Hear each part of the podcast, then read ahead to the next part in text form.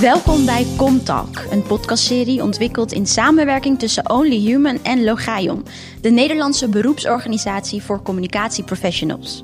In deze vijfdelige serie bespreken we communicatievraagstukken van links naar rechts met interessante sprekers die ieder vanuit een eigen perspectief proberen meerwaarde te bieden aan de discussie. Mijn naam is Sharissa Shotu, freelance journalist en presentator van deze serie. Bij mij aan tafel zitten Is Roos, coördinator detachering bij Only Human, en Annemarie Dingemans, specialist in en onderzoeker naar cultuurverschillen. Welkom, fijn dat jullie er zijn. Iedere podcast starten we met een, uh, een stelling. Deze luidt als volgt: Statushouders zouden bij ieder communicatiebedrijf moeten kunnen solliciteren. Ja, ik zou er ja op willen, willen antwoorden. Ja. En, en zeker bij ons. Mhm. Maar goed, daar, ja, dat, dat gaat niet vanzelf. Dus er is wel veel voor nodig om een statushouder uiteindelijk op een opdracht te kunnen krijgen. Ja, vooral in het communicatievak. Zeker. Daar gaan we het straks eh, uitgebreid over hebben. Annemarie, hoe kijk jij uh, daarnaar, naar deze stelling?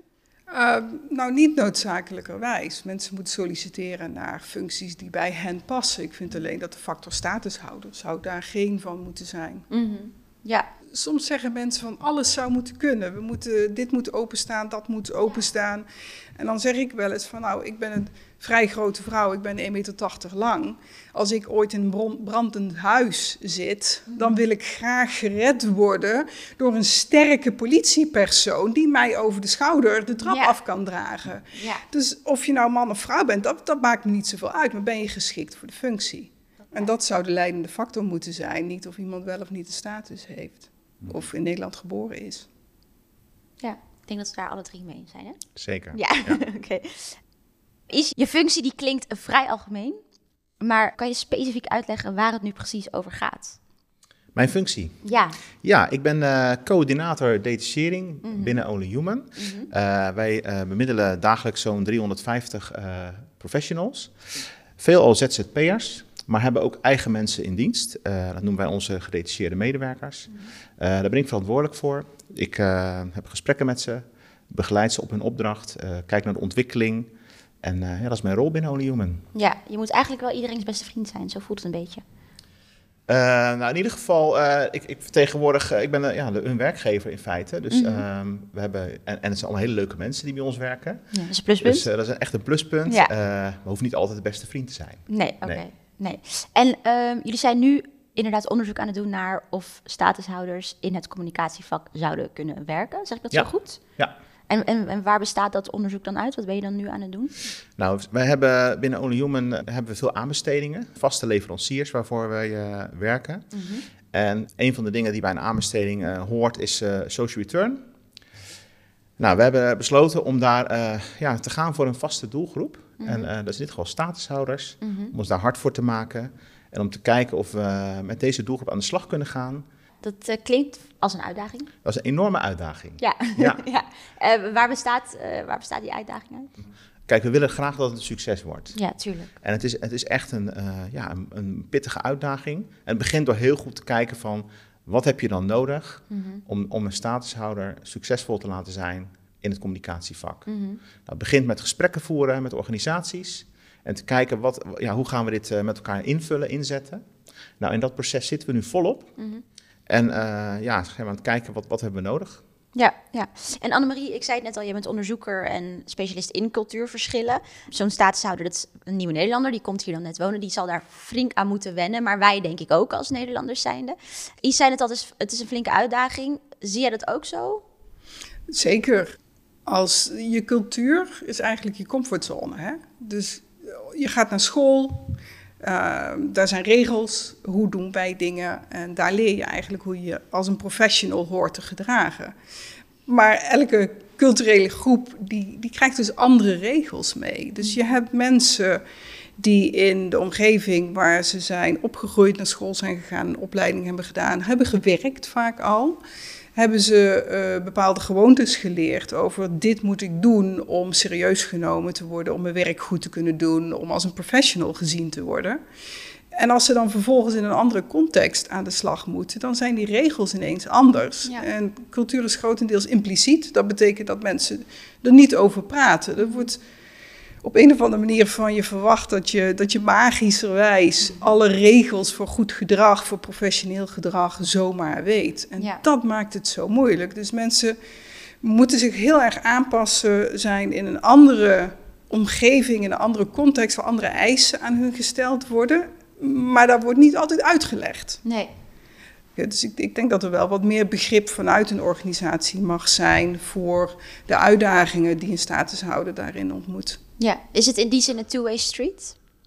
Of zou het van de ene kant misschien omdat wij dan iets makkelijker hebben hier het meer van onze kant moeten komen omdat wij dit als een vanzelfsprekendheid zien, maar misschien meer woorden aan mogen geven? Nou, dat vind ik precies. Maar de werkelijkheid is vaak dat de nieuweling in een groep of de uitzondering in een groep, eh, dat die zich het meeste moeten aanpassen.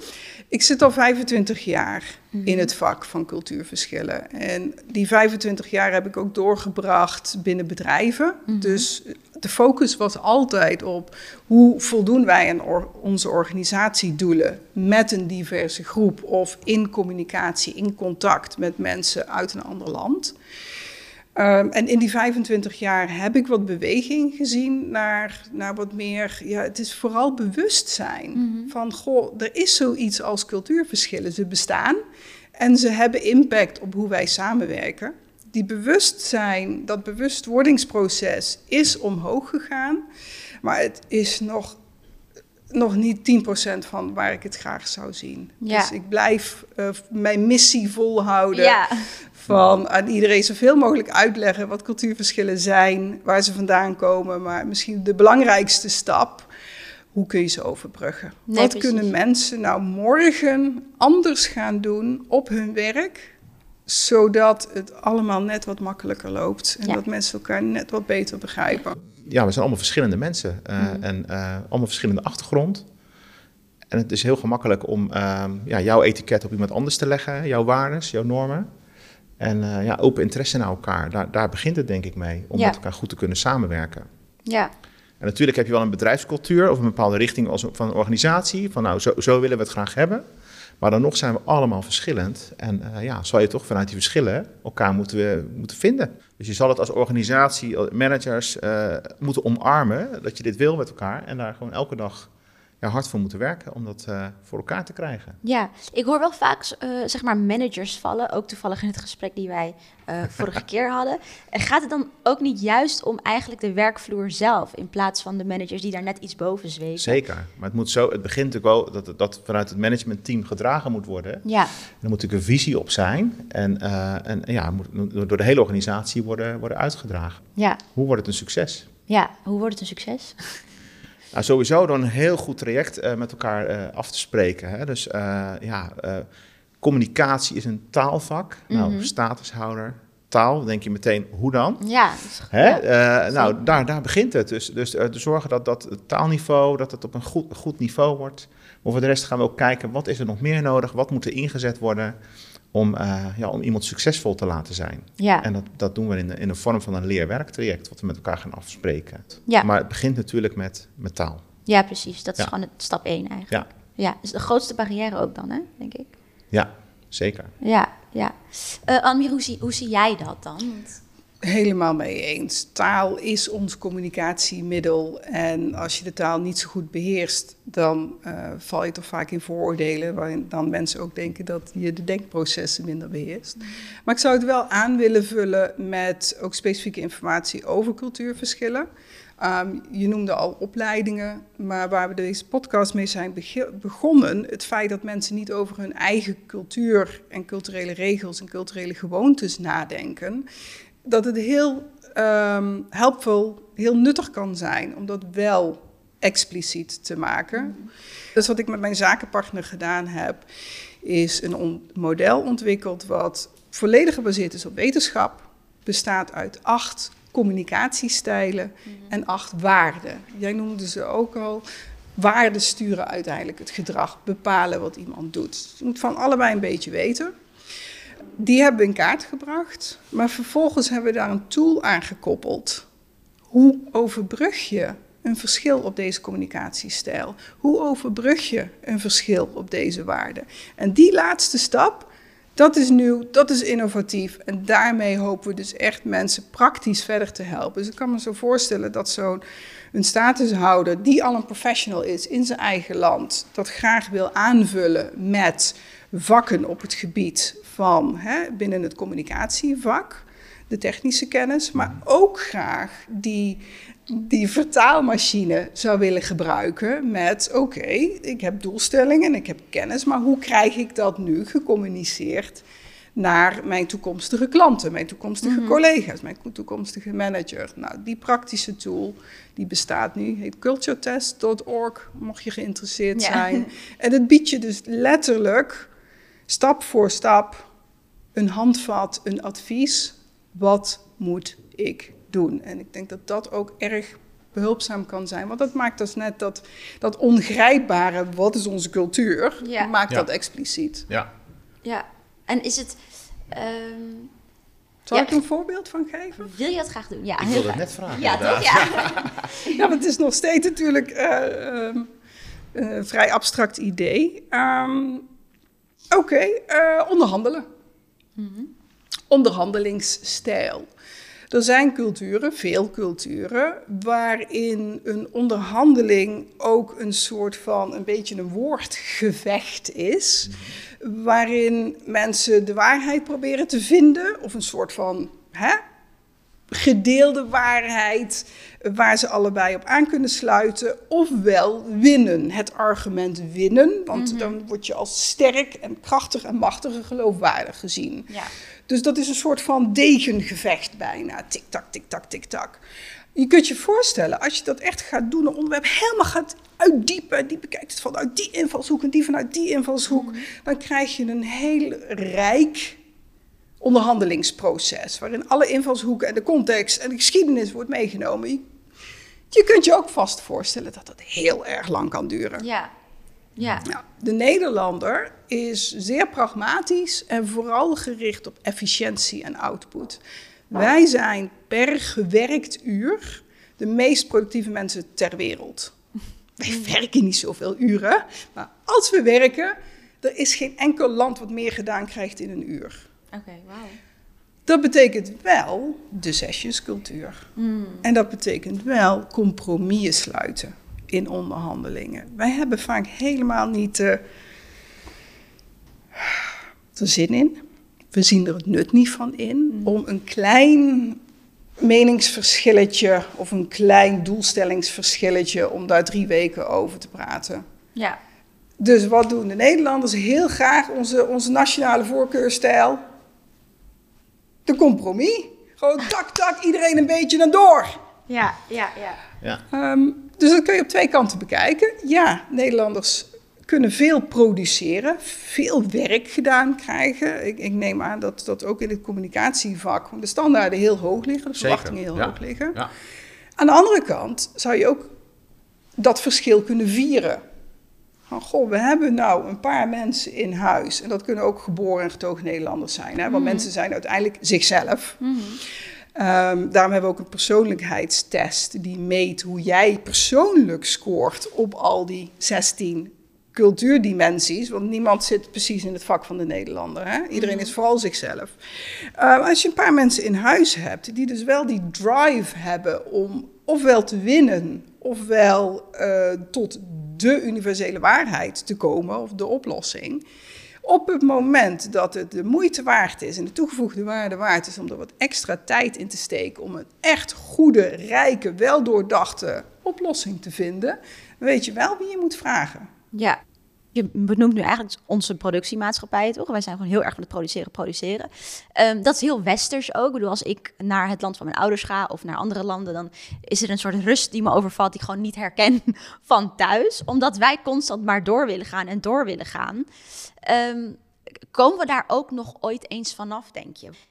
Denk het wel. Ehm, we zitten nou eenmaal in een globaliserende wereld. Dus we, we worden ook meer blootgesteld aan andere manieren van dingen doen. En wat jij onderschrijft is het, het meest beroemde cultuurverschil: taakgericht of relatiegericht.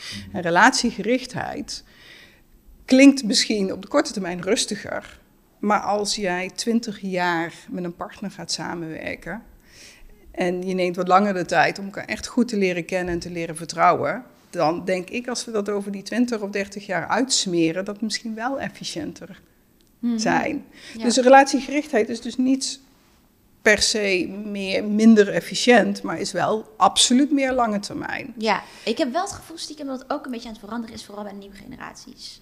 Maar richt, meer richting taakgericht of meer richting Relatiegericht. relatiegericht? Ja, dat denk ik dus ook. Ja, En ik denk als, als we nou vooruitkijken naar waar we met de wereld naartoe gaan, het lijkt erop dat productie eh, meer naar landen verschuift met een grotere eh, bevolkingsdichtheid en lager lonenniveau.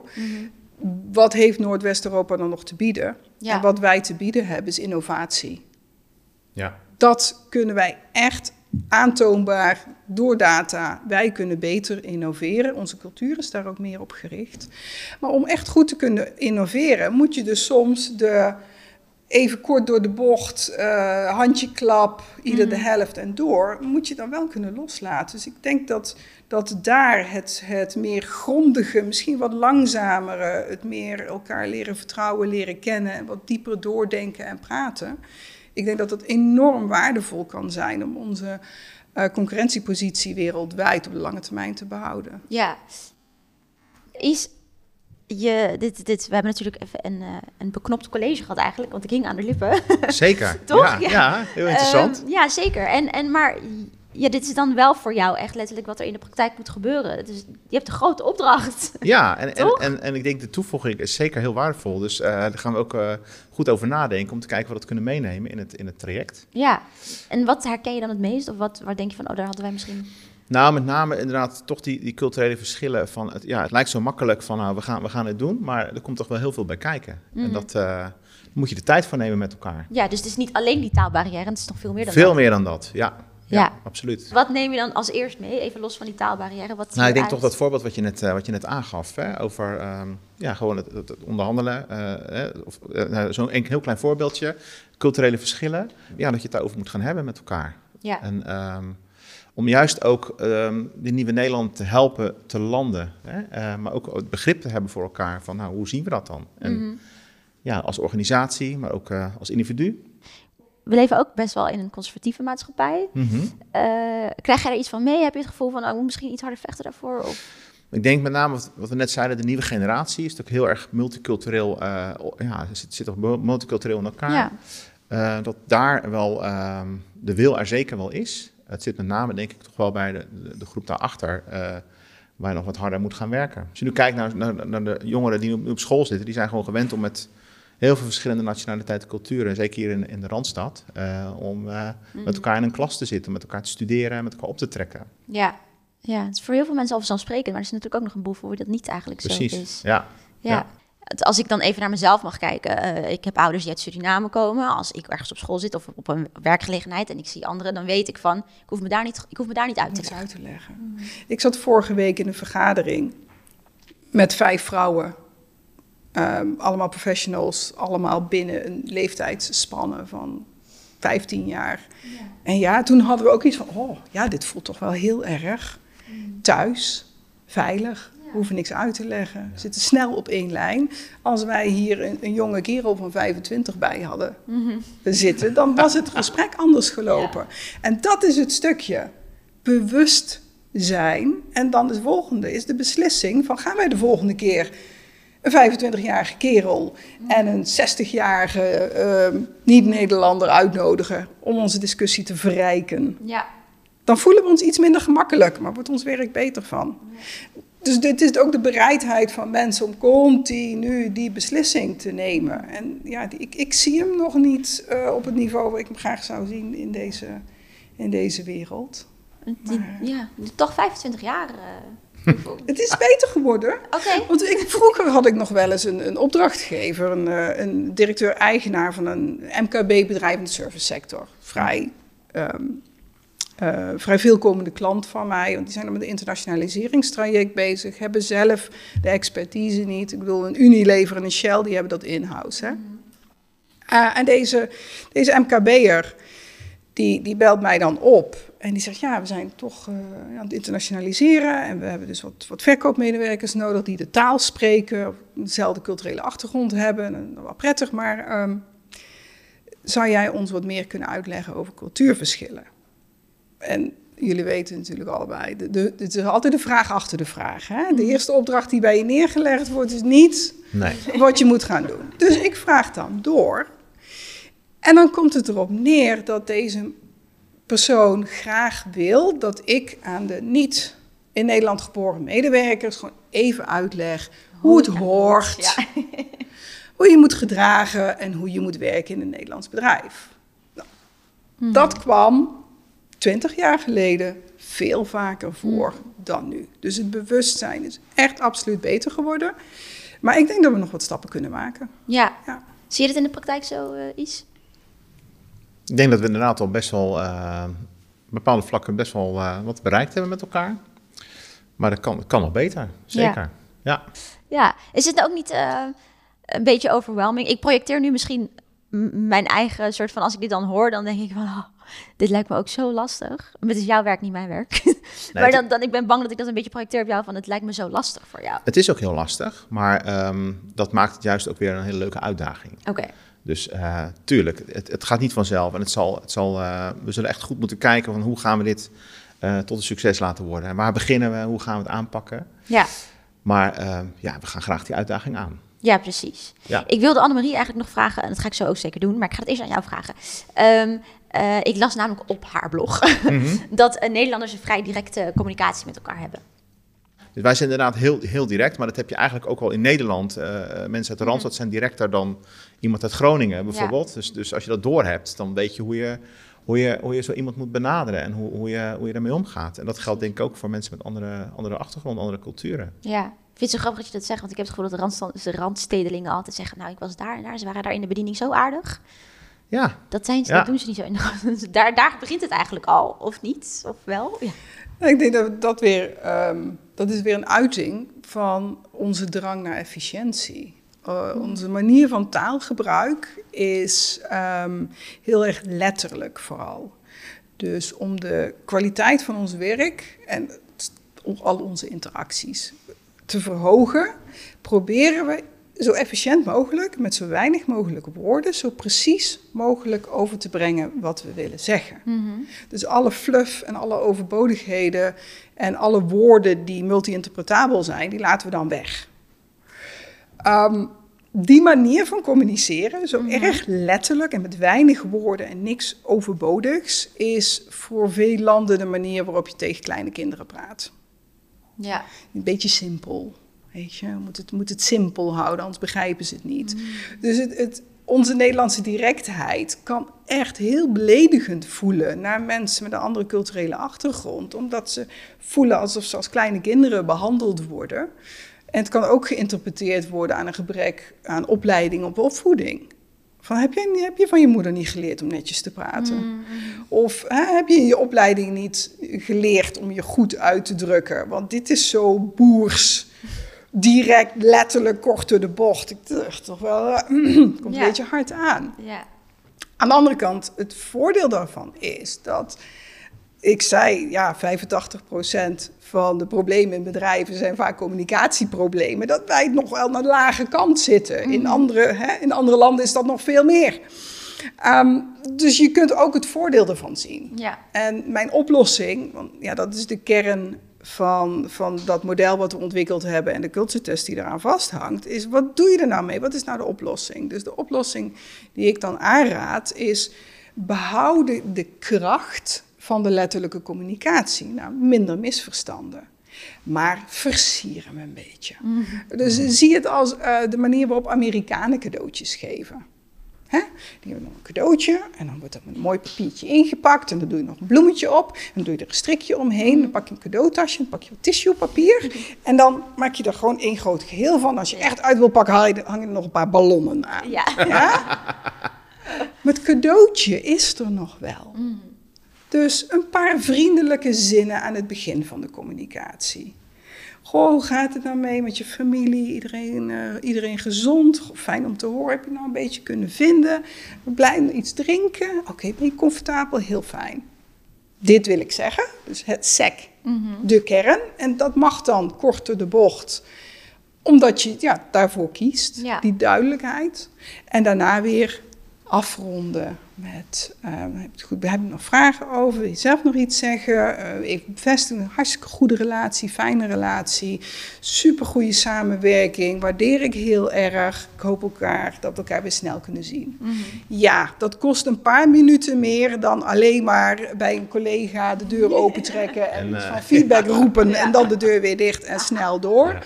Ja, kost even drie minuten extra, maar ik denk dat je op de lange termijn, denk ik Ja. in relatiegerichtheid, daar een betere samenwerkingsrelatie mee Ja. creëert. Dus ehm, ja, dat is een beetje wat, wat ik adviseer in het algemeen in het zakenleven met het overbruggen van cul- cultuurverschillen. Kun je misschien de kracht van verschillende stijlen combineren. Ja. Je hoeft je niet altijd gedachteloos aan te passen aan de ander. De statushouders hoeven zich niet op alle vlakken aan te passen aan de Nederlandse manier, maar moeten wel erkennen dat dit de meerderheid is en hoe bedrijven lopen. En wij bewuste eh, professionals hoeven ons ook niet in alles aan te passen als wij een contact hebben met iemand met een andere achtergrond. Zoek naar de sterke kanten van beide en kijk of je dat een beetje kan combineren. Ja, balanceren misschien ook. Eh, Is, hoe staan we ervoor? Hoe, binnen hoe lang denk jij dat eh, dit werkelijkheid wordt? Dat statushouders in het communicatievak kunnen aan de slag kunnen gaan? Duurt. Nou, ik hoop, ik hoop eh, dat we volgend jaar concreet mensen op een opdracht hebben Mhm. bij de overheid. We zijn nu bezig om mensen naar ons toe te trekken in, in de werving. Mhm. Dus van nou, reageer maar, solliciteer maar. Gaan we in gesprek, gaan we kijken, joh, wat, ja, wat hebben we nodig om, om, om daar te komen? Gaan we een traject bedenken, een samenwerkings, ja, eh, hoe noem je dat, een, een ontwikkeltraject. Ja, oké, dus het is niet een soort van gener- generaliserend pakket die iemand krijgt. Nee, het is echt maatwerk. Op de. Echt op de persoon zelf. Dus Mhm. eh, iedereen is anders. Iedereen heeft. eh, dus, en natuurlijk zullen er. ehm, we willen natuurlijk wel gelijk met een clubje mensen beginnen, met een groep. Ja. Er zullen zeker raakvlakken zijn, dus onder andere taal waarschijnlijk. Mhm. Daar kunnen we dan gericht natuurlijk iets voor inkopen. Maar er zullen daarnaast nog heel veel andere dingen zijn die op de persoon zelf moeten worden toegespitst. Ja. Dus ja, ik hoop gewoon dat we nou, dit kwartaal gebruiken om mensen hier op gesprek te krijgen. Mhm. En dat we het volgend jaar kunnen gaan beginnen. Ja, en hier, mensen hier op gesprek krijgen, is dat, dat lijkt me eigenlijk ook al een barrière, toch? Hoe, eh, Nou, dat, dat zie ik niet als een barrière. Nee? Nee, nee. Want hoe, hoe eh, recruit je ze, laat ik het zo zeggen? Nou, we hebben de, de vacature uitstaan bij eh werkgeversservicepunten. Oké. eh, en bij een organisatie, het URF, die veel met studenten, vluchtelingen werkt. Aha, En daar staan we in een nieuwsbrief met een, met een vacature. En daar kunnen ze op reageren. Mhm. En ehm, nou, als we de eerste reacties binnen hebben, dan gaan we het gesprek aan. Ja, het is gewoon een kwestie van de juiste mensen vinden om je boodschap daar te krijgen. Ja, en, en, en om mee aan de slag te gaan. En, Mhm. en daar, eh, ja, daar, daar, daar gaan we voor. Ja, ik ben er heel benieuwd naar. Ik vind het superleuk dat het Ja. gebeurt ook. Zeker. Ja, Ja. Ik, wil, ik wilde eigenlijk zeggen, zullen we dan weer met elkaar afspreken over een jaar en dan kijken hoe dat is gegaan. Maar dan, dan moeten we wel even iemand vinden binnen het bedrijf die zegt, ja, volgend jaar doen we er weer vijf, want dit is alweer de laatste podcast.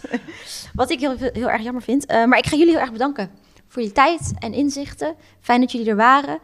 Ja, iedere aflevering sluiten we af met een spoken word voordracht van woordkunstenaar Atta de Tolk. We zijn erg blij en trots dat Atta hier bij ons is om hetgeen wat wij besproken hebben voor te dragen in zijn woorden. Ik weet nu al dat dat prachtig gaat zijn. Laat je inspireren en meevoeren. Hier is Atta de Tolk.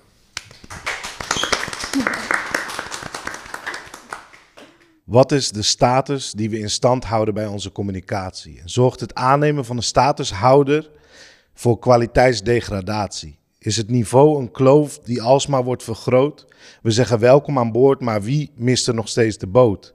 Is het niet dat we de beste mensen willen voor de functie?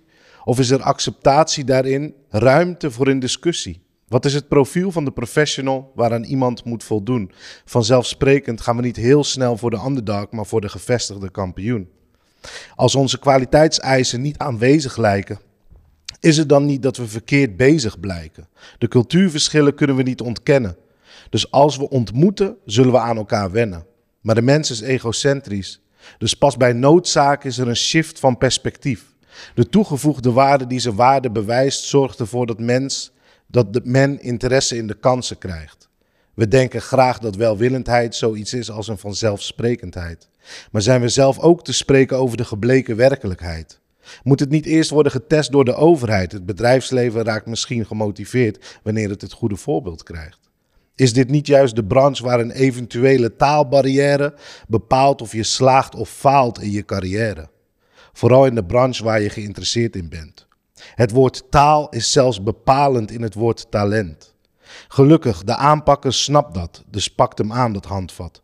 Professionaliseringsprocessen, taaltrajecten, allemaal om het potentieel inderdaad te ontdekken. De realiteit is hard, niet altijd tactisch, maar je kunt hem ombuigen door assertieve acties. Zelfs de noemercultuur is ongrijpbaar, dus zeker niet eenvoudig begrijpbaar. Dus wie is bereid om tijdens de onderhandeling te gaan voor de compromis? De productiemaatschappij met haar heerschappij is simpelweg de stroom die de boot drijft. Maar onder de stroming is er een overstroming van het pragmatische richting de relatie. Als we die twee combineren, blinken we nog, nog meer uit in innovatie. Het scheelt een slok op de borrel als kennismaken en cultuur connecten in correlatie. Iedereen verdient een tweede kans, maar sommigen krijgen niet eens een eerste. Uitsluiting van potentie door de krachten die er heersen. Het leven begint buiten de comfortzone, maar laten we het leven voor ons comfort buiten de zone. Je ziet het helaas al bij groepsvorming op scholen. We zijn angstige wezens die liever voor anders lijkende wezens blijven verscholen. Dus in de basis houden we ons op onze werkbasis niet zo van houders van een bepaalde status. Maar we blijven Hollanders, dus we kunnen het proberen met bijvoorbeeld stages, ook wel vertaald als gratis. Hoe kijken we met die ogen naar de arbeidsmarkt en schaarste? Als we onze ogen en blik niet openen, dan ontstaat er op een ogenblik wat gevaren. Een leegloop, een verdunning. Wie op ons lijkt, krijgt de gunning. Wie trekt de kar en trekken we hem door tot in elke sector? Welk einddoel voeren we dit gevecht voor? Andere mensen brengen andere perspectieven, maar het is zo lekker om van onze blinde vlekken te blijven genieten. Wat zijn de ingrediënten en bestanddelen van onze bepaling? Als we niet verversen en remixen, voelt onze communicatie als een constante herhaling. Het moet worden versierd en leuk ingepakt. De status is dat we communiceren vanuit kracht en bepaalde eisen blijven in de praktijk vaak intact. We zoeken de balans en willen geen ruis. Het maakt niet uit waar je wieg stond, zolang de communicatie maar staat als een huis. Ja, bedankt voor het luisteren. Zoals ik al eerder zei, dit is helaas alweer de laatste podcast uit deze serie. Graag willen wij van dit moment gebruik maken om een aantal mensen te bedanken. We starten met onze partner Logaion. Samen met hen hebben wij deze prachtige serie gemaakt en zijn de krachten echt gebundeld. Wij zijn in ieder geval trots op het resultaat, dus enorm bedankt daarvoor. En dat jullie luisteraars ons zo goed hebben kunnen verstaan dat wij in een prachtige set zitten waar technisch alles tip-top in orde is, hebben wij te danken aan Richard van Studio Lijn 14. Fantastisch, want waar is het mens of podcast zonder techniek? Dan bedanken we ook van Jar Koolhaas voor die, uh, nou, die mijzelf en de gasten bij iedere podcast prachtig in beeld bracht. Zodat jullie naast luisteren ook stiekem een klein beetje konden kijken. Dan wil ik vanaf hier nog, nogmaals alle gasten, Atta de Talk en Only Human bedanken voor een prachtige serie inhoudelijke podcast. Het was een groot plezier. Mocht je de podcast willen terugluisteren, dat kan op Spotify en andere podcastkanalen op onlyhuman.nl. Zijn de podcasts ook terug te lezen in blogvorm? Whatever works for you. Nogmaals, dank voor het luisteren. Mijn naam is Jerissa Shoto en wellicht tot volgend jaar.